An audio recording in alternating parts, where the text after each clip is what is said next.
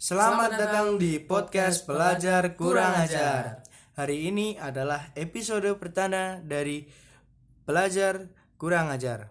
Tapi sebelumnya kita perkenalan dulu. Mm-mm, Perkenalkan, nama saya Adit Dan saya Farel dan Tuh. kami adalah pelajar Pelajar yang kurang ajar. kurang ajar. sesuai judul, mantap.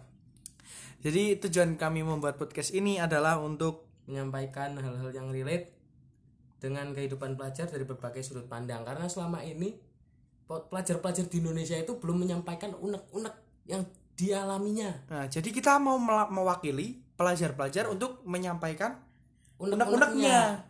Itu ya. Ya, sekian dari saya. Terima kasih.